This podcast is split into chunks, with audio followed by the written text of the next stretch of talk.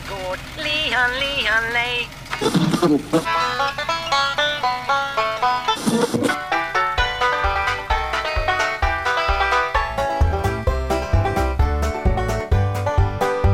Du lyssnar på Bondepraktikan som presenteras av Bulletin. Dagens dynamiska duo är precis som vanligt Per-Ola Olsson och Rickard Axdorff. Vill du höra våra ljuva stämmor och skarpa analyser av samtiden, dåtiden, nutiden, framtiden och så vidare innan Grasis-lyssnarna så teckna då en prenumeration på Bulletin. Förutom Bondepraktikan får du även tillgång till resten av Bulletins premiummaterial. Och idag har vi med oss en gäst, en hjälte ifrån landsbygden. Med detta sagt, hej Per-Ola! Och hej Alexander! Ja, hej Alexander! Idag, eller ja, och även hej Rickard. Idag har vi med oss Alexander von Bottmer. Eh, som planerade att genomföra en eh, manifestation mot de höga bränsleskatterna i Stockholm. Eh, den här fick eh, sen ställas in. Bland annat på grund av att vi eh, hade lite dåligt, eller rättare sagt vi hade knappt någon regering att manifestera mot. Men det här kan väl du väl berätta lite mer om Alexander. Uh, hur kan det komma sig, eller rättare sagt varför började du uh, att, eller varför sjösatte du det här projektet med en manifestation? Ja, men det var så att jag och en kille till som var lika medkriminell i det här som jag, Stefan Håkansson uppe från Enköping, satt och pratade lite och sa att vi kanske skulle ta tag i det här nu och, och göra en, en demonstration. Det vore väl lite häftigt och kanske skulle kunna ge någonting. Mm. Och så vred vi och vände på det där i några veckor och finurade lite och sen satt vi någon söndagkväll. Äh, nu gör vi den här jävla gruppen och så ser vi vad det, vad det tar vägen. Och det växte ju ganska snabbt, rätt så snart. Och det var lite media som hörde av sig. Och Mm. Sen vart vi väl drygt tusen medlemmar i den där slutna Facebookgruppen. Även fast vi var väldigt restriktiva med vilka vi släppte in och sen. Ja, det ena ledde till det andra. Mm. Den här skulle, manifestationen var ju planerad till att hålla den 29, alltså när folk hörde här igår. Men det blev ju inte så. Det, det, det, alltså ni fick ju som sagt ställa in efter, eh, eller så, ganska nyligen ställa in. Hur var tankarna kring det? Alltså, tankarna vi, vi, tanken på att ställa in kom ju kanske en vecka innan vi ställde in det. Och vi vred och vände på det där och det var regeringskris och det var lite dålig uppslutning och de två ihop gjorde väl att vi sa att vi, vi kanske inte ställer in men vi, vi gör det åtminstone inte nu. Mm. Sen är jag väldigt öppen för att genomföra det här kanske framåt våren eller, eller göra det till en valfråga på ett helt annat sätt. Men och sen hade vi haft den här Glasgow-konferensen precis innan och då var ju folk så insyltade i det med fossila bränslen så jag vet inte om, om genomslaget hade blivit rätt om vi hade jag kört är det. med. Kanske. Men ja, ja, ja, jo det kan man väl, det, alltså det är väl en ganska rimligt antagande att SVT hade kommit dit och frågat er varför ni vill sänka bränsleskatterna. Eh, precis som att de påverkar hur mycket, vi, hur mycket lantbrukarna kör. Eh, men, så, men då kan väl jag ställa frågan till dig istället eh, Alexander. Eh, om nu bränsleskatterna påverkar körningen, hade du kört mer eller känner du någon som hade kört mer traktor bara för att priset blev lägre? Nej, jag får inte ihop det här. Det var någon miljöpartist som skrev att de, den nya budgeten skulle ge 150 000 ton koldioxid mer utsläpp på grund av att dieselskatten gick ner 50 öre. Jag, jag köper inte det. Det kanske Nej, nej. finns folk som nöjesåker, men med traktorn gör man ju inte det. Det är lite väl dyrt. Alltså den drar ju en 20 liter i timmen. N- när, jag var Någon måtta 15, får det vara på. när jag var 15 så åkte jag ju traktor istället för epa-traktor till ungdomsgården och sådär. Men det är, Jo. det, det är inte jättemånga litrar, det är det inte. Nej, och det gjorde kanske jag också, men, men det är ju ändå... Det är en piss i Mississippi det stora hela ju. Ja, men så är det och, och även när det gäller bil. Alltså, jag tror vi alla, att vi alla vi tre kan vara överens om att det är ett fruktansvärt larvet påstående att, att eh, bönder skulle köra mer traktor om dieseln blev billigare. Ja, alltså man, man har ju provat det här på handelsgödsel och lägga skatt på handelsgödsel och det finns ingen alls korrelation mellan förbrukning och skatte, skatt och, eh, Vilket skattesats. till och med den utredning som eh, i, i, i grunden Naturskyddsföreningen eh, initierade. Eh, för det, alltså det eh, utreddes ju, eh, eller det tillsattes en utredning om, om kväveskatter och en reviderad bekämpningsmedelsskatt för några år sedan. Och trots eh, en Miljöpartiet i, riksdagen, eller i regeringen och att eh, utredningen i praktiken var initierad av Naturskyddsföreningen så kom, kom man i den här utredningen fram till att skatterna är fiskala, alltså de påverkar inte användningen. Mm. Och vi såg ju till och med att, att, att, att när kväveskatten försvann så gick användningen ner. Mm. Mm. Just det. Det är, inte skatten vi- som, det är inte skatten som bestämmer hur mycket vi använder. Eh, det är helt andra parametrar. Och dessutom så är det faktiskt, när, alltså om vi nu ska prata kväveskatt, vilket blev ett stickspår, så, så svenskt lantbruk har högst kväveeffektivitet i hela OECD. Men åter till bränsleskatterna. Eh, du och jag och Rickard hade alltså inte kört mer traktor om, om skatten hade sänkts. Nej, nej. Det, det, man kan, är det någonting man kan komma fram till så är det väl att höjer de priset tillräckligt mycket så kör vi ingen traktor alls. Men det får ju andra följdeffekter.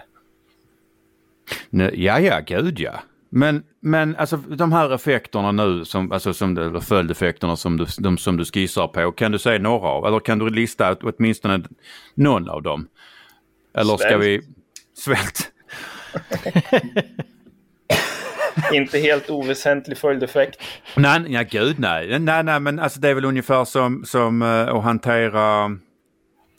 eh, som jag såg, det var någon tysk, jag tror det var någon tysk i alla fall, som kommenterade coronaläget och sa att alltså, framåt våren så kommer det vara hur lugnt som helst i Tyskland för att då kommer, alltså varandra, alltså kommer alla tyskar antingen vara eh, vaccinerade, återhämtade eller döda.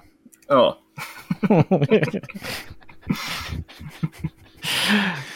Nej, Ja, men det, det är lite fascinerande att leka med tanken om man skulle slå upp en mur runt, runt vår eminenta huvudstad och sen eh, börja räkna dagar och se hur många dagar det tar innan det klös på insidan och sen hur många dagar det tar innan det klöses på utsidan och se vilket som inträffar först.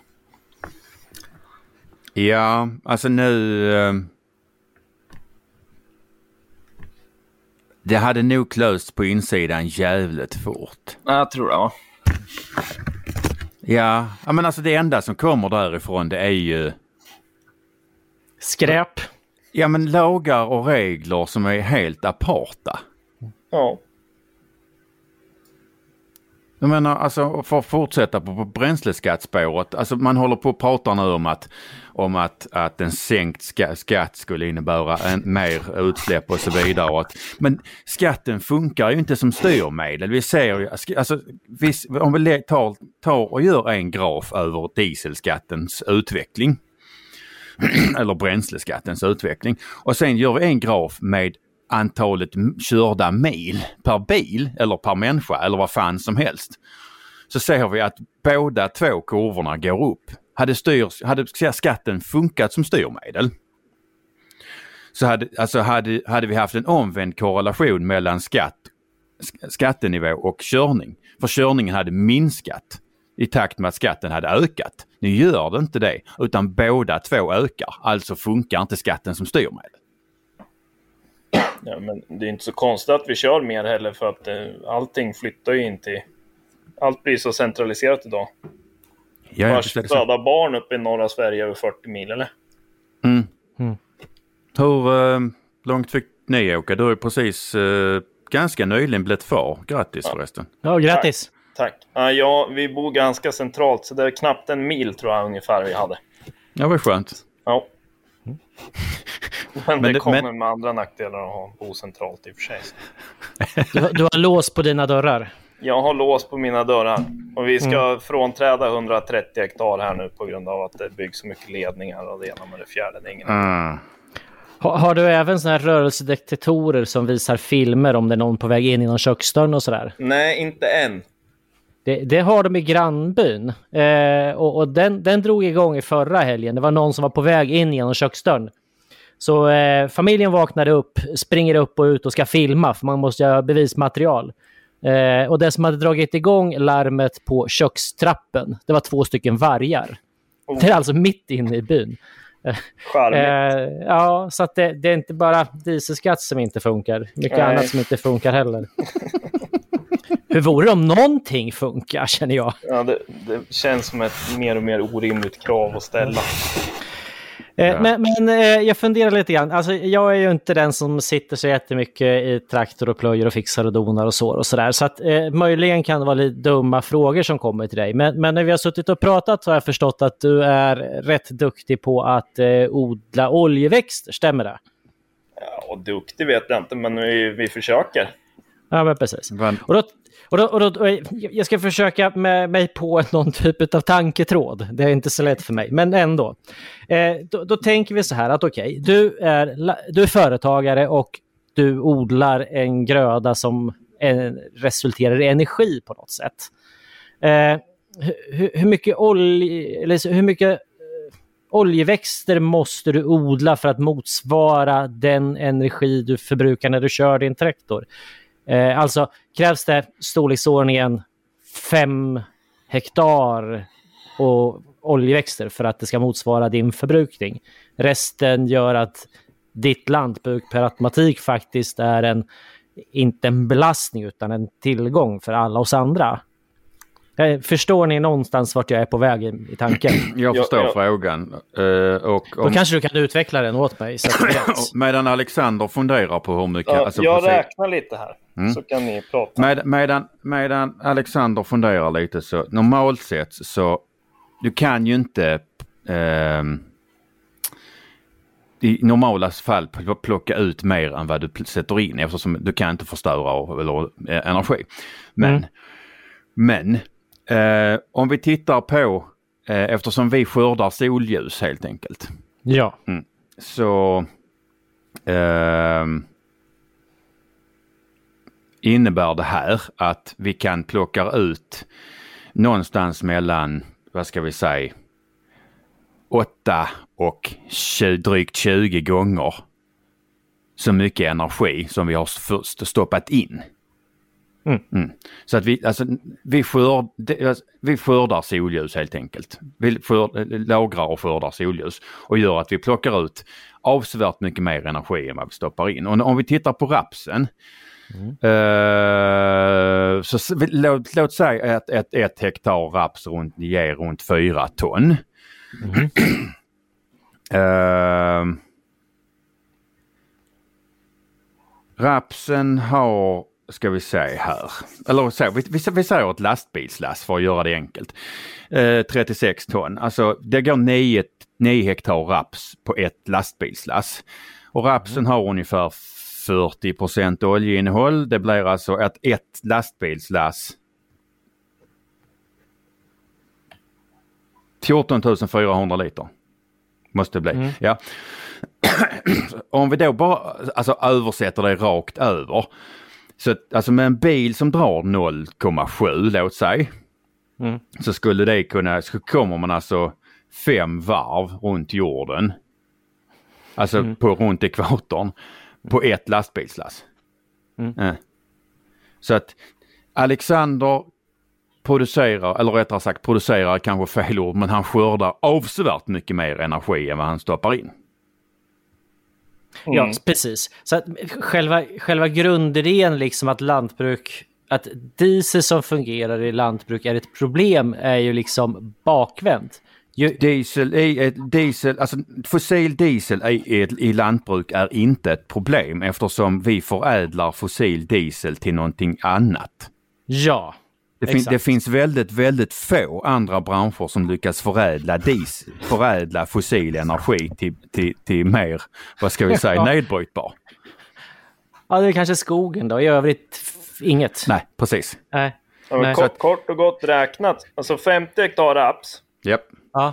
blir ungefär 100 kubik rapsolja varje, varje år. Ja. Och vi gör av med i runda slängar 20 kubik inklusive oljebrännare till torken. Mm. Och då är ju rapsen på sin höjd en femtedel av arealen. Precis. Så 12 hektar raps är vad du förbrukar i energi? Ungefär. Ja. Ja. Och det ska du beskattas för, bara så du vet. Ja, Hur fan skulle det ännu mer snart. Ja. Nej men det, det, det är ju... Lantbruket är, är den bransch som är absolut minst angelägen att ställa om. Men vi, vi, Ja, men precis. vi har ju en eh, unik förmåga i att vi är den enda branschen som har som affärsidé att binda koldioxid i marken. Visst fan är det så? Mm. Visst är det så? Så att, alltså, som sagt, alltså, om man, alltså det hade absolut varit angenämt om man kunde hitta, hitta, vad ska vi säga, lösningar om man nu inte tycker om fossil diesel. Men lantbruket är den bransch som är absolut i särklass minst angelägen att ställa om. Vi kan väl säga att det är den enda bransch som överhuvudtaget är hållbar. Jord och skog. Ja. Jord och skog. Ja. Det har jag någon forskningsrapport på. Den ska jag rota reda på till någon annan podd någon gång i framtiden. Spännande. Vaknade grabbe, eller vaknar grabben nu Alexander? Ja, hörs det eller? Men Ja. min eminenta fru är på väg iväg med honom. Ja, för att, alltså, säg, som sagt, säg till om du behöver lämna oss för då så Ja, är det, det är abs- ingen fara. a- absolut inga problem. Det är lugnt. Nej. Men vad fan vad trevligt. Ja. Eh, Den här, den här demonstrationen, hur var det tänkt? Hur, hur mycket fransk skulle den bli? Med, medelfransk? Nej, jag vet inte. Ganska lite fransk, men väldigt fransk för att vara svensk. Om man kan Ja. kalla det så. Tanken var ju att vi skulle komma med två korteger, en norrifrån och en söderifrån. Och sen skulle vi ju ta motorvägen in. Och den är ju i regel tre filer, så då tänkte vi vi tar två av de tre filerna så kommer ändå eventuella ambulanser och grejer fram så slipper vi väldigt tråkiga tidningsrubriker. Mm. Men ändå bromsar upp relativt ordentligt. där Sen var ju tanken att vi... Vad sa du? där, finns, där finns bussfil också för dem. Ja visst, och ambulanshelikopter finns det väl också. Ja, de brukar Ehm. ta sig fram. Ja. Sen var ju tanken att vi skulle ställa upp oss ri- kring riksdagen och Mynttorget och Stockholms slott och grejer där. Och vi fick ju egentligen... Vi var ju så laglydiga så vi sökte demonstrationstillstånd hos polisen men det vart egentligen avslag på, på det mesta. Motorvägsåkandet det tog vi inte ens upp. Men vi fick inte parkera på ej angiven parkeringsplats. Så det var också ett litet... Men det, och det var ju också anledningen till att vi ville bli så många. För åker du in 20 traktorer då, då är det lätt att ge alla böter och straffpåläggande. Men kommer det 3, 4, 500 stycken då, då tror jag till och med polisen inser att det är ingen idé. Mm. Nej, nej, men visst fan är det så.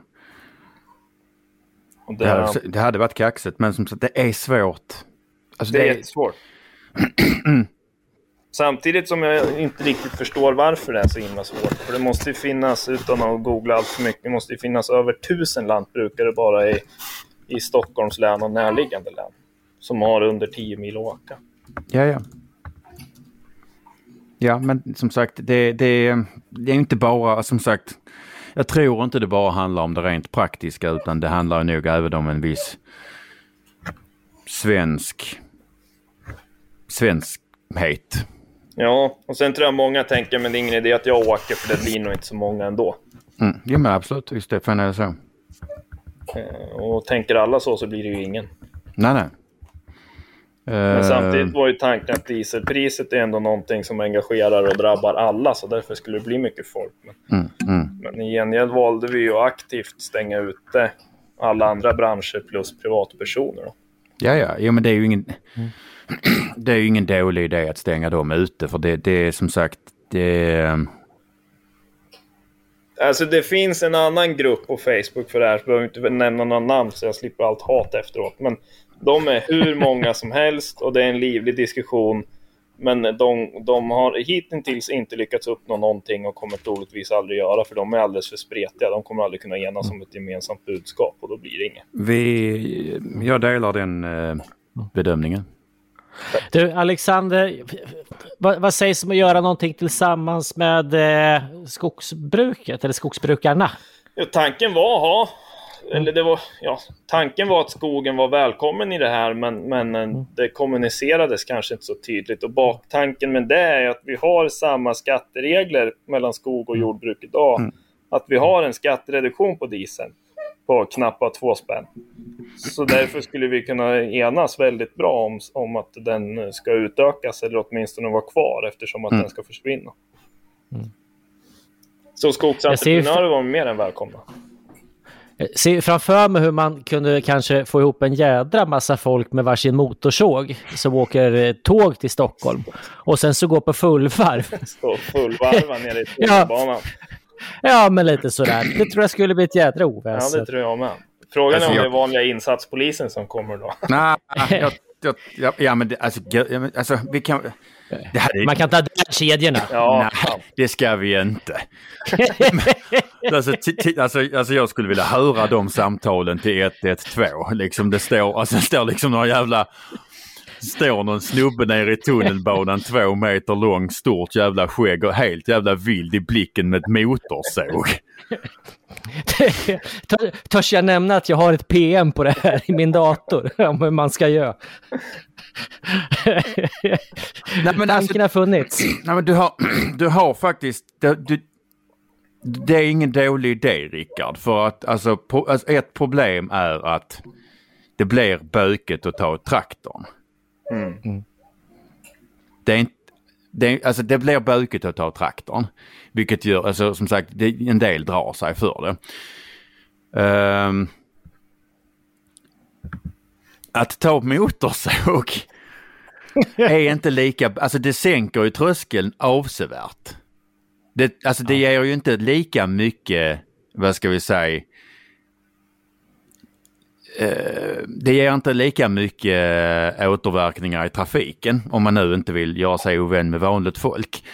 Men nog fan hade det uppmärksammats i media och i Stockholm när det kommer, alltså när det kommer en hel jävla flock med varsitt motorsåg tågande mot riksdagen.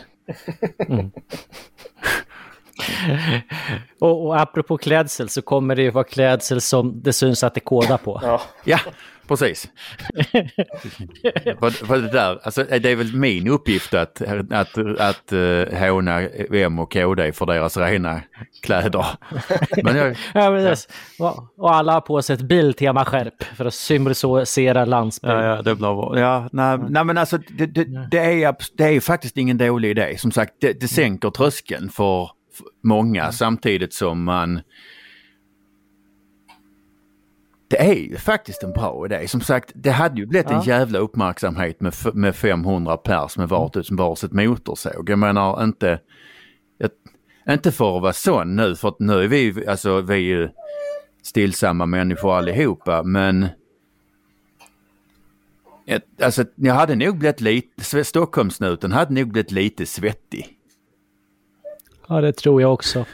Jag kommer att tänka på en, på en sak vad det gäller dieseln. Eh, för nu frågar jag er som är experter, jag är bättre på att skjuta från höften. Men vi, visst är det som så att den diesel vi använder i Sverige har lägre energiintensitet än i övriga Europa? Den är, ja, ja, vi har mer, mer, eh, den är mer utblandad, alltså jämfört med blankdieseln. Mm, och det är så där ja. fi- finnarna, jag har inte kunnat bekräfta det här, men finnarna kör väl eh, på så kallad fartygsdiesel eller ren, Jag tror ren det. diesel. Och den tror det. kostar väl typ 7-8 kronor litern.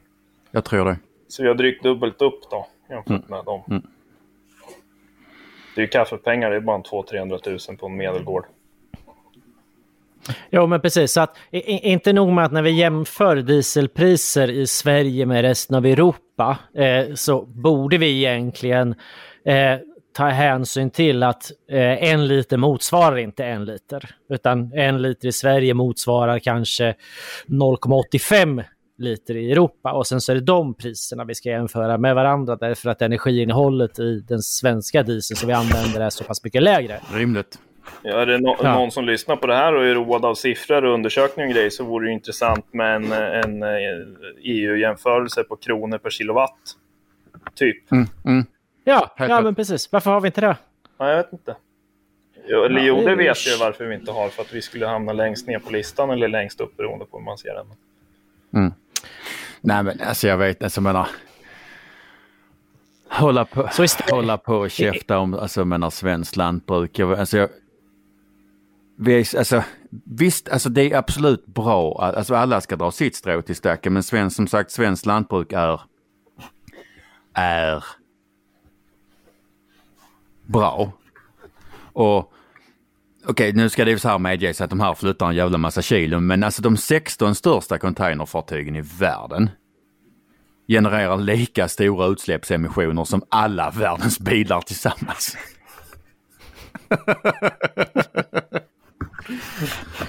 Ja, men det, det är intressant du säger att vi är väldigt bra idag och det är vi ju. Men det är ju för att vi har gjort väldigt mycket på frivillig basis Det klart. de senaste 10-15 åren. Men nu Det kan klart. man ju börja fråga sig om, man, om det är någon idé att hålla på med frivillighet eftersom att det bara straffar sig. Ni bet, hade vi gett fan i att göra massa saker för 10 år sedan kanske vi hade fått dem som krav nu. Då hade vi fått ett mycket bättre utgångsläge. Visst fan är det så. Visst är det så. Eh, du ska få en bagge om, no- alltså det, det kommer en bagge till Rickard ungefär nu. Eh, har, eller om, om ungefär tre, fyra, kanske fem minuter. Har du någonting mer Ja. du vill säga Alexander? Annars gör vi så att vi pausar. Eh, Rickard eh, lossar sin bagge och sen fortsätter jag och Rickard prata om det vi brukar prata om. Nej, men jag är nöjd. Ja. Om ni är nöjda nöjd. så är Ja. jag nöjd. Jag är, jag är otroligt nöjda. Jag är jättenöjda och vi vill skicka med ett stort tack ifrån landsbygden så att du verkligen upplever Absolut. att eh, det, det, det, behövs fler hjältar likt Alexander. Det behövs Tack själva. det. Tack, Det är väl tack. ni som har lyckats göra en framgångsrik podd som lyfter det hela. Ja, ja, men vi, alltså, vi, där vi var bara precis på, i början. Vänta bara. Eh, Snart kommer bondepraktikan och von Bottmer i- tillsammans dra till Stockholm med, med motorsåg. Stå på tunnelbanan. Just det. Och vi snackar långa svärd på motorsågarna. Tack så mycket Alexander. tack, tack, Tack, tack. Vi är nu tillbaka efter att Rickard har fått tillbaka, eller fått, fått en bagge levererad eh, och kan därmed gå tillbaka till ordinarie programpunkter, nämligen vad har du dödat Rickard? Inte baggen hoppas jag. Nej, Frodo han lever. Han har ju varit i tjänstgöring hos en, en granne. Eh, och eh, ska väl bli pappa om fem månader. då. Så att han, han, är, han är glad. Eh, han är lite ledsen över att vara tillbaka i, i bagghagen dock. Eh, men dödat har jag gjort. Eh, denna gång någonting med puls. Eh, till saken hör att eh, adrenalin, adrenalinnivån på mig gick upp riktigt rejält den här gången. Eh, jag och Lemmy var nämligen iväg till en eh, god vän och lantbrukare eh, utanför Enköping. Eh, de, de har en hel del problem med vilt och inte minst vildsvin. Så eh, vi skulle försöka skjuta lite vildsvin. Eh, och eh, det är ju väldigt fin natur och, och, och sådär och, och, och eh, då var det ett eh, bräske, är det ett ord Ja. kanske? Ja, med massa taggbuskar och slån och tynen och sådär. Eh, och in i det där så var det då naturligtvis en flock med vildsvin. Och en passkytt sa att han hade sett ett antal brungrisar, alltså grisar som inte är jättestora. Eh, så att Lemmy drog iväg åt det här hållet och jag kom och knata på i mitt tempo efteråt och sen så skällde han några gånger och sen kom han tillbaks till mig. Mm. Eh, och det gör han i stort sett bara när han tycker att det är riktigt läskigt. Så jag inser ju att det, det är troligen någon stor Mm, mm. med i den här flocken. Så jag hänger med honom framåt och han liksom talar om var de här grisarna är någonstans. Eh, och, och skäller och fixar och donar, eh, men de, de är kvar inne liksom bland taggbuskarna. Så att jag finner ingen annan råd än att eh, helt enkelt ge mig in i de här taggbuskarna Mm. och försöka liksom få ut dem på något jävla Mm, vänster. Eh, och då är det, det blir som gångar liksom, så det, det blir hål rakt in i de här taggbuskarna. Eh, så att eh, Lemmy far in i ett sånt där hål och sen så skäller det lite grann där inne. Han har ju på sig, ska jag säga, också en skyddsväst. Eh, som, som eh, skyddar känsliga partier på honom. Eh, om det är så att de skulle angripa honom och försöka sprätta honom så ja, klarar han sig förhoppningsvis då. Eh, Men han far in där inne, så skäller han och sen så hör jag hur han liksom springer iväg åt ena hållet och att någonting springer mot mitt håll. Eh, så att det är ju då en gris, en ganska stor gris, som eh, ska anfalla mig. Det ska ge sig på mig helt Mhm, enkelt. Eh, så att jag, jag får iväg ett skott halkandes, snubblandes in bland de där buskarna eh, som träffar någonstans i grisen. Jag hinner inte med mer än så. Liksom det, det är på 20 centimeter. Mhm. Jag, jag, jag, jag använder buss, bössan för att trycka undan den ungefär. Det är på den nivån. Så att den, och den fortsätter ju en jävla fart. Jag skriker att den ilskesint jävel och att den är skjuten och att de ska fortsätta skjuta på den. Men den springer iväg över ett hygge med ganska mycket gräs. Och då, då ser vi liksom att det, det, det är mycket blod. Eh, men eh, jag vill då inte gå på med, med Lemmy på eftersök utan vi, vi hämtar en annan hund som får gå i, i band. Så den går då i band efter grisen och, och eh, vi tänker att den ligger ju där Ja, någonstans. mer dödsök rimligtvis eftersom man Ja. där mycket blod Ja. så ja, den lägger sig. Ja, men precis. precis. Den, den ligger där. Så vi tänkte vi, vi går på dödsök med en jätteerfaren eh, Mm. hund. Eh, den går nog ett eftersök om dagen. Den är med i när NVR, alltså letar efter trafikskadat Mm, mm, och sådär. Eh, problemet är ju att den här eh, rätt stora grisen är ju inte eh, dödligt skjuten utan den är ju så, den är skadad, så den går ju upp. Mm. Och sen så går den runt ganska länge eh, och lägger sig Mhm. inte. Eh, vilket resulterar att i, i, han tar ju då beslutet om att vi, vi släpper alla hundar så kommer någon av hundarna att ställa den här. Mhm. Mm. Så att eh, han, han går iväg med sin hund och, och vi postar om och sen så eh, släpper vi alla hundar. Eh, och naturligtvis är det då Lemmy som hittar den här igen Mm. då. Eh, in i ett granplantage den här gången. Det är inte jättelångt bort, liksom, det är 100 Mm. meter bort. Eh, så då får jag ge mig in de här täta jävla granarna. Man ser en meter max Ja. någonstans. Eh, och sen så börjar han att skälla igen. Eh, och nu vet jag ju att det är en stor gris och den är skadad. Eh, så han skäller återigen så, här, så att ja, det prasslar överallt. Så helt plötsligt så springer hon ju rakt emot mig igen. Eh, och ska ju liksom, den här gången ska hon verkligen plocka Mhm. mig. Så då får jag så skjuta henne återigen. Den här gången har vi väl fördubblat avståndet till 40 centimeter ungefär. Det var skönt. Ja, eh, så det känns lite tryggt. Eh, Men då, då drar hon iväg och sen så springer de bara en liten bit och sen så är det en passkytt eh, lite längre bort som eh, skjuter henne så småningom. Då. Mm.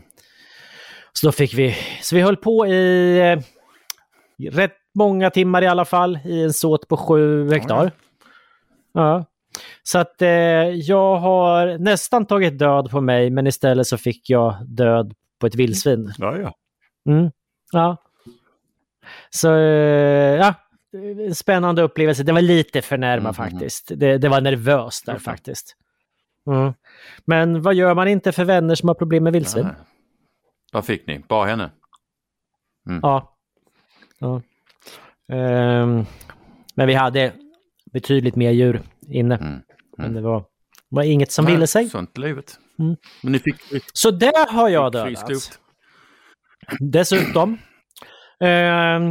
då är ju då frågan om vi ska hålla oss till körschemat. I sådana fall så är vi vid punkt eh, vad är du arg på Per-Ola? Mycket. Mm. Välj tre.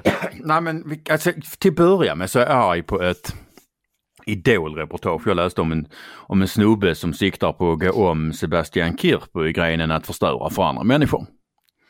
Mm. Jag läste nämligen om en snubbe som på ett halvår, alltså ett halvår, står för nästan, nästan 10% av alla rapporterade fynd av knärot i Sverige. Han har gjort 621 fynd på ett halvår. Ja. Alltså, Ja, hur kan man det- vara så... Alltså hur kan man ha så mycket energi att vilja förstöra för andra människor? vad, vad vet vi mer om den här människan? Liksom, är, är det sin fritid han gör det på eller? Bor på gränsen mellan Dalarna och civiliserat, eller civilis, mer, lite mer civiliserade trakter. Har någon sån här biodynamiskt jävla kursgård typ. Ja, Nej, som sagt 621 fynd av knärot har han rapporterat in. Jesus. Ja. Vi kanske ska förklara vad knärot är Det kan väl du göra. Ja. Eh, nå- någonting som är rätt roligt är ju faktiskt att eh, om du går med, med bönder ute i naturen så kommer du bli förvånad över vad mycket arter, blommor och gräs och ogräs som de klart. kan. Mm. Där, där de allra flesta ser en grön matta, Mm. där, där pekar de på ett 50-tal olika Ja, ja, växter. ja. Men det är en helt ny värld där ute. Och i den nya världen så finns det då bland annat orkidéer. Ja, och knärot är ju då en orkidé. Eh, den, den är inte jättevanlig i Danmark eh, och inte heller i Norge. Men i Sverige så är den ju ganska så vanlig skulle jag säga. Eh, jag har förresten, eh, det finns andra väldigt vackra, apropå orkidéer, orkidéer. Det finns en som heter nattviol. Har, har ni den nere i Skåne? Det, Ja, det vet vi inte riktigt. Eh, Jag höll på att säga, alltså, jag, alltså, jag, jag skulle vilja tro det, men jag säger pass för att inte Mm. väcka den här människan. Det åker, han, jag menar, det Om- åker ju bara han och hans lekkamrater ner till Skåne och börjar förstöra här alltså. Om en romantisk film hade varit en orkidé, då hade det ju varit just Ja. den. Ja, eh, nattviolen luktar ju fantastiskt gott på nätterna. Eh, och den trivs ju då där man eh, i ett brukat Mm. landskap där, som Mm. är betat. Eh, och för ett stort antal år sedan så var jag ute och röjde under mina beten under, vid, vid Mhm. staketet. Eh, och för att det ska kunna betas djur där så måste jag ha staket och för att staketet ska funka så måste jag faktiskt slå under Mm. staketet. Problemet är ju bara att vad händer nu när det växer nattviol under staketet? Jag får ju antagligen inte avsiktligt röja bort den. Men nu kommer vi till artskydds, alltså det måste vara, alltså för sig här. Den är fridlyst så du får inte plocka den. Men du har, ju inte, alltså, du har ju per definition inte plockat den om du bara kör ner den med röjsågen. Vilket gör att vi kommer till artskyddsförordningen borde rimligtvis vara fjärde paragrafen ju. Mm. Eh, och du får ju inte avsiktligt fånga eller döda fri, alltså fridlösta djur. Och du får Nej. inte alltså avsiktligt, stör, avsiktligt störa djur under, under framförallt parnings, parningsperioden. Ja, och flyttning och övervintring och äh, uppfödning och alla andra perioder. Och du får inte... Alltså jag tror att det är lite lurigt. Eh, för jag- jag kommer ihåg att jag la upp uh, någonting på Twitter om att nu, nu ryker den. Eh, och det, det, det, jag kommer ihåg att det blev lite oväsen. Ja, eh, det var ändå ett stickspår. Nej men, nej, nej, Eh, nej men alltså för sig här, alltså du får ju inte gräva upp ett exemplar med rötterna. Och Nej. du får inte Nej. plocka eller samla in exemplar för försäljning. Och du får inte, Så- så- du får inte plocka upp, gräva eller på annat sätt skada. Och du får inte ta bort eller skada frön eller andra delar. Alltså, För er som inte ser Per-Ola nu så håller han på och, och liksom läser långt bak i hjärnan. Eh, man ser liksom hur Ja, nej, ögonen nej, vänder sig nej, ut och in alltså, och sen alltså, så... För att, alltså menar, du skadade ju växten. Ja, men jag plockar Men inte du upp plockar den. inte upp den, så där har vi ju klarat oss. Nej men alltså, jag, alltså som, ja. Ja. fan, alltså du, har, du hade förmodligen rykt. Nej, det hade du inte. För du, alltså menar du hade när du körde med röjsåget, alltså du slant med röjsåget. Nej, Nej, det var avsiktligt. du inte. I helvete att det var. Du slant med röjsåget för du får inte, du får inte Ja. avsiktligt förstöra. Nej. Nej. Men om jag nu inte avsiktligt förstör det så kan jag inte ha ett fungerande staket och då kan jag inte ha fåren där. Om inte fåren är där så blir det inga mer nattvioler så då är det jöss med alla. Fair point. Eh, Mm. Just, just, just det här med att man inte får förstöra eh, för, och, eh, och uh, orkidéer är ju anledningen till att den har blivit så jävla poppis för de här människorna. Det är nämligen för att om du får in rapporter, du lyckas rapportera in fynd av knärot så, så stoppar du andra människors avverkning. Ja, precis. Och den här snubben är med i någon klubb som åker ut varje helg och förstör för hederliga människor genom att hitta, hitta, hitta knärot i andra människors skog. Alltså menar det här är liksom ekvivalenten att, till att slå sönder andra människors affärsinrättningar. Mm. Mm. Precis. Och alltså, alltså att de här människorna är så jävla kåta på knärot beror rimligtvis på att, på att, en, liksom, en blind kan se den. De är inte svåra att, de är inte svåra att känna igen. Nej. Och det finns gott om dem. De är liksom inte sådär, alltså man behöver inte direkt anstränga sig för att hitta dem. Ja, men alltså vad fan, alltså jag säger att du ser tveksam ut, men vad fan.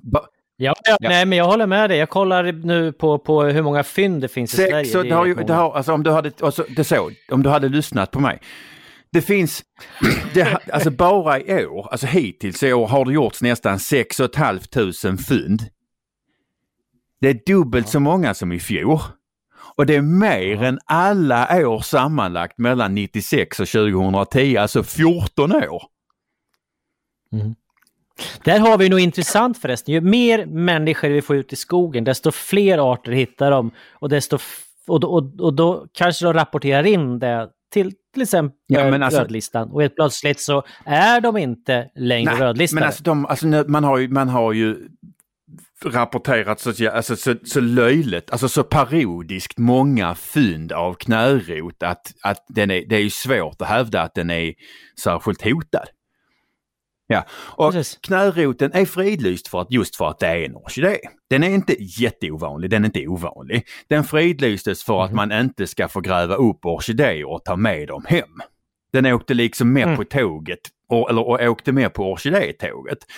Och sen knallar liksom en grupp, alltså en, jä- knallar en massa ja, spensliga flanar med dålig skäggväxt och känner hur självrättfärdigheten bultar under deras jävla hemtovade ulltröja som inte blivit tvättad sedan Gustav Vasa och använder en juridisk miss för att förstöra och begränsa andra människor som bara vill förstöra sin, eller som vill förstöra, förvalta sin skog. Sver ja, Sveriges Botaniska Förening kan dra åt helvete. Ja, amen på det då. Ja. Nej men alltså, det, det- det det här beskriver är ju att vi, vi har skapat juridiska eh, instrument Som missbrukas. För- som missbrukas av människor och människogrupper som överhuvudtaget faktiskt inte har med saken Exakt. att göra. Vi har institutioner som ska hantera det. Vi har myndigheter som Men- ska hantera det. Sen så har vi ett gäng såna här flanar som far Alltså, runt. ända sedan Axel Oxelstierna så Mm. har liksom uppfattningen varit att det allmänna är bäst, alltså staten och dess organisationer, eller det allmänna är det bäst skickade för att ta tillvara på allmänhetens intressen. Ja. Stämmer. Och nu har vi liksom uppenbarligen en jävla ordning där alltså folk knallar runt och tar sig rätten och alltså helt efter eget gottfinnande på jävla massa ideologiska grunder för att de tror att de vet bättre hur andra människor ska förvalta sin skog eller inte förvalta för man vill ju bara förbjuda rakt över. Och Tror att, att de tar Nej. alltså någon form av, av, av, vad ska vi säga, allmänheten och deras medmänniskors förlängda arm. Ja, nej men det, det, man bryr sig inte om knäroten, man skiter väl i den. Det är, ett, det är ett instrument för att stoppa någonting och i det här fallet handlar det om att stoppa Exakt skogsbruk. Och, och Axel Oxelstierna förresten, ha, ha, han är uppvuxen, eh, eller född i alla fall, på Fånögods. Så det var inte speciellt långt ifrån där jag blev överfallen av grisen. Bara som en liten parentes sådär. Så har vi knutit ihop den säcken Intressant. med. Eh, det finns en väldigt fin allé eh, vid den eh, gården, eller herrgården, som man gärna får besöka. Och eh, Sveriges nordligaste bokskog, Intressant. som jag tror är anlagd av eh, Nontersmeden. Nice. På tal om, eh, om vi, Ja. om vi flyttar oss lite längre norrut, hur går det med, med ditt arbete för konsultationsförordningen? Oh, nu ska vi se. När kommer den här podden ut då? Eh, 29. 29. Jag tyckte att, jag, jag Ja. tyckte att det, Ja, var men lite, då- det, var, det var ofint att bara jag satt och hade, hade liksom pulsen uppe. Mm. Eh, jo, nej men eh, alltså så här är det ju att för er som inte lyssnar, jag tror att vi, vi har visst har vi pratat om det, men, men du, du kan tidigare. rekapitulera det lite. Vi, eh, I grova drag så handlar det om att man ger renägande samer ensamrätt på ett antal saker, det vill säga eh, det är, man, man, man håller på att stifta en särlagstiftning, alltså en lagstiftning som särbehandlar, positivt behandlar en mindre grupp i samhället. Eh, och min ingångspunkt i det här är väl egentligen att det spelar ingen roll om du har en rödblå hatt med någon slags rolig tofs på eller om du har en fes eller en turban eller vad det nu kan tänkas vara. Eh, särlagstiftning hör inte hemma i Sverige. Eh, och det håller vi nu på att instifta, det vill säga att den här gruppen av företagare kommer, om lagen går igenom, få mer eller mindre oinskränkt makt över andras egendom. Eh, därför att så fort man gör någonting som kan tänkas påverka rennäringen så behöver man be rennäringen om lov.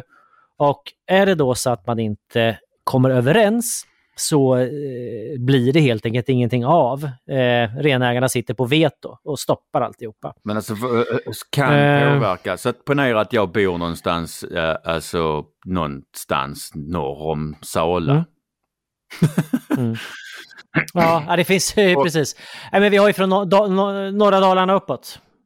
En tredjedel, eller två Ja, tredjedelar men av alltså, ponera att man, liksom, man bor i, i, bor i bor någonstans och har en villa och vill bygga ett garage. För, alltså, Mm. Är det sånt eller är det, är det, är, kommer det här garagebygget påverkas eller är det, är det skogsavverkning som kommer påverkas? Är det, alltså, vad, vad är det som, alltså var, var, var, var är tröskeln? Ja, det, det, det, det finns egentligen inga avgränsningar. De enda avgränsningarna som är, det är att staten friskrivit sig. Så att om staten ska bygga en stor Aha. väg, då, då är det lugnt. Eller om staten Det är ska göra precis någonting som annat. vanligt då, alltså. Men om... Ja. Eh, så det här kan ju stoppa, ja, vad ska vi ta? Byggnation utav hus till eh, större industrisatsningar i norr. Eh, Men alltså, industrisatsningarna i, nor- i norr är ju tämligen döda nu när de har samma elpris som vad vi har i Skåne. Alltså Jo, imorgon kommer strömmen kosta, eller imorgon, idag, igår. Det blir igår. Ja, just det. Alltså 6,50 med skatt och moms. Ja. Alltså det, det, det, är Det kommer bli ännu värre. Vänta bara Ja, till februari. Precis, och, och för er som undrar kan ni då lyssna på poddavsnittet Bondepraktikan som heter Kaninodlingsnämnder. Eh, där vi förutspådde detta. Åter till konstitutionsordningen då. Det, det, det, det sitter ju ett antal politiska partier och ska försöka eh, komma överens. Eh, och allra helst så ska man ju som stoppa det här lagförslaget. Och just nu så tror jag det är som så att allting hänger på hur Folkpartiet, ja förlåt Liberalerna, Eh, eh, nej, hur nej, de kommer... L-liberaler. Inte, li, inte liberaler. L, L, Folk, folk, folkpartister L- eller L-liberaler. då säger vi L-liberalerna. Hur L-liberalerna kommer att rösta. Eh, lägger de ner sin röst eller röstar på någonting annat än styret i den mån vi har någonting i Sverige idag så eh, kommer det gå bra. Eh, så att, och det kommer väl få reda på inom Mhm, några mhm. veckor skulle jag säga. Spännande. Mm. Alltså, Ja. Så känner, känner ni någon liberal och inte tycker om, eh, förlåt, Jag folkpartist? tycker det är alltså ändå fantastiskt att, att eh, det är väldigt sällan man hör att nu hänger det på Liberalerna. Nej.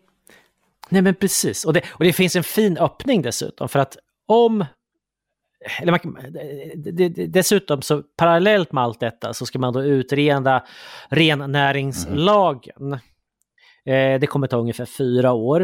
Eh, men då vill man då prångla igenom ett nytt lagförslag innan dess, eller mitt i detta, vilket ju är helt eh, huvudlöst naturligtvis. Så att det finns en enkel öppning dessutom då för, för, för Folkpartiet, eller Liberalerna. Eh, det vill säga bara säga att, nej men vet ni, vi, vi väntar på eh, utredningen innan vi månglar igenom någon ny Jag lag. Mm, så att det finns en, eh, en folk en L-liberal utväg för L-liberalerna. Mm, det vill säga att inte fatta något beslut utan bara gå Partiet vidare. som har fler ledarskribenter mm. än väljare. Mm. Precis.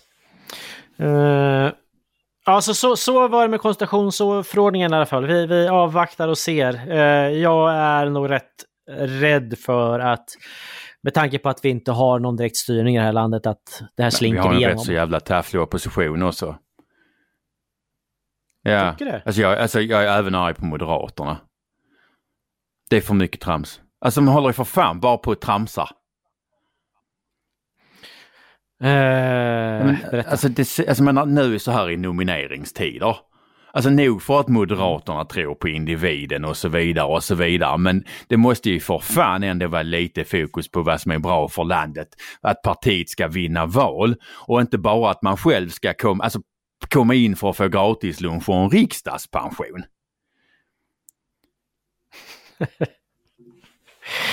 Nej, alltså på, på ett ideologiskt plan sådär så både du och jag vill ju på något sätt att Sverige ska bli lite mindre socialistiskt. Ja. Ja, därför att det är typ bra för mm. individer på något sätt. Eller ja, jo det skulle jag säga. Och det, och, och det som är bra för individer ja. är bra för landet. Eh, vi har ju intervjuat till exempel Aron mm. Flam som eh, eh mynt, kör uttrycket socialism mm. är ondska. Eh, men om man nu vill att det ska bli lite mindre socialism i, i landet, så om man då kör en inriktning att man vill liksom ändra sin politik så att attrahera socialister, så blir det ju inte en mer, så det blir inte mindre socialism Nej, av det. Utan på något sätt så behöver man ju förklara att socialism är inte bra därför att. Och på något sätt få folk att förstå att det andra alternativet är bättre. Mm. Eh, alltså om, om vi på något sätt jämför Sverige med USA, det finns som inte, den tydliga gränsen finns inte mellan så här, republikaner Nej, nej, alltså i Sverige är ju alla sossar. Alltså om vi, om vi tittar på det ur ett ja. lite mer globalt perspektiv så är ju alla i Sverige sossar. Uh, visst fan är det så? Nej, du har rätt. Men alltså, som sagt, jag arg de tramsar för, mm. de, de tramsar för mycket och det hotar, hotar det, alltså det hotar att det, alltså det hotar ett, ett, en valvinst helt enkelt. Jag blev inte så jävla jättemycket mm. gladare när, när jag såg listan för min valkrets. Alltså vi, vi har chans att ta, eller det finns in, i alla fall inom räckhåll att ta tre mandat. Ja. För Moderaterna? Uh, I ja. min valkrets. Och vad gör man då? Jo, då på tredjeplatsen sätter man alltså en avdankad KSO vars bror sitter i nomineringskommittén. Alltså han är säkert jätteduktig lokalt men alltså en snabb, snabb koll ger ju ändå vid handen att han väl, alltså har lika bra koll på rikspolitiken som en tvål. som en tvål? Ja. Ja men alltså, Alltså, M, vi vill vinna val och, och också M bara tramsar. Alltså jag, jag, vet liksom inte hur många, moder, alltså, många katter Moderaterna har rakat den här rösten. Liksom M går till val på att leda någon form av samarbetsregering. Men hur så fan ska de kunna samarbeta med andra partier när de inte ens kan samarbeta inom partiet? Ja, sen KD, de är ja. fan inte så jävla mycket bättre. Nog fan för att de har profilerat sig hårt i våra frågor. De köper jaktkläder så in i helvete. Ja, men alltså hur, men sen, men sen, alltså hur aktiva är till exempel KD i, låt säga EU-nämnden när mycket av lantbrukets och skogsbrukets frågor bestäms? Yeah. Mm. Mm. Mm. Ja, hur mycket aktiva är de? Har du någon siffra? Ah, oh, titta kaffe. Mm. ja, det var lite känsligt tydligen. Det, det kommer i, kanske i en annan podd. Alltså en förutsättning för att det ska komma det är ju att de i alla fall gör någonting. Ja, ja precis. Jag vet inte, börjar vi på närma oss något typ av avslut eller känner du? Vi, vi har ju haft Alexander, vi har fått rasat lite grann. Jag är väl ganska nöjd. Eh, Ja. Jag känner mig också precis. ganska Vi har nöjd. fått rasa, jag har fått eh, eh, skrika av mig och du har fått eh, en bagge. Precis. Och röstningen till Guldpodden är avslutad, så nu är det spännande som rackarns. Första december kommer eh, resultatet. Och alldeles oavsett vilket resultat det blir så kommer Per-Ola att vara arg på resultatet. Jo, för jag tänker nämligen så här att vinner vi, då, då, då kan ju Per-Ola rasa för att det är väl ändå för jävligt att vi måste på något sätt dra igång den här podden för att ge lite uppmärksamhet till landsbygden. Och det här är ju beviset på att alla Mm. andra är värdelösa. Och vinner vi inte, då är det tecken på att eh, landsbygden, de är så jävla icke-digitala, att de inte förstår sitt eget bästa. Eh, och att det bara, problemet är att de inte har röstat. Ja, Så oav, ja, okej. det, det, fin, det finns en öppning för att eh, vara va arg på resultatet alldeles oavsett. Ja, ja, gud ja. Gud ja. Mm. Ja, Jag måste faktiskt ta ett stickspår till förresten. Alltså som jag måste berätta. Det här är en, upp, alltså en uppdatering. Eh, vi hade ju Johan och Anna Pensar med oss för några avsnitt sen. Ja. Det har utvecklats lite märkligt på ett sätt som, som jag faktiskt inte riktigt kunde se där till och med folk vill, alltså vad ska jag säga, Johan och Annas antagonister vill bjuda in mig och eh, även dig till att de ska visa sina Ja. papper. Eh, eh, lokaltidningen där uppe har hotat mig med en förtalsanmälan och eh, vi kan ta det i nästa nummer, tiden går. Eh, eller nästa avsnitt, tiden går. Men det är, det, det är jättekul. Men i vilket fall som helst.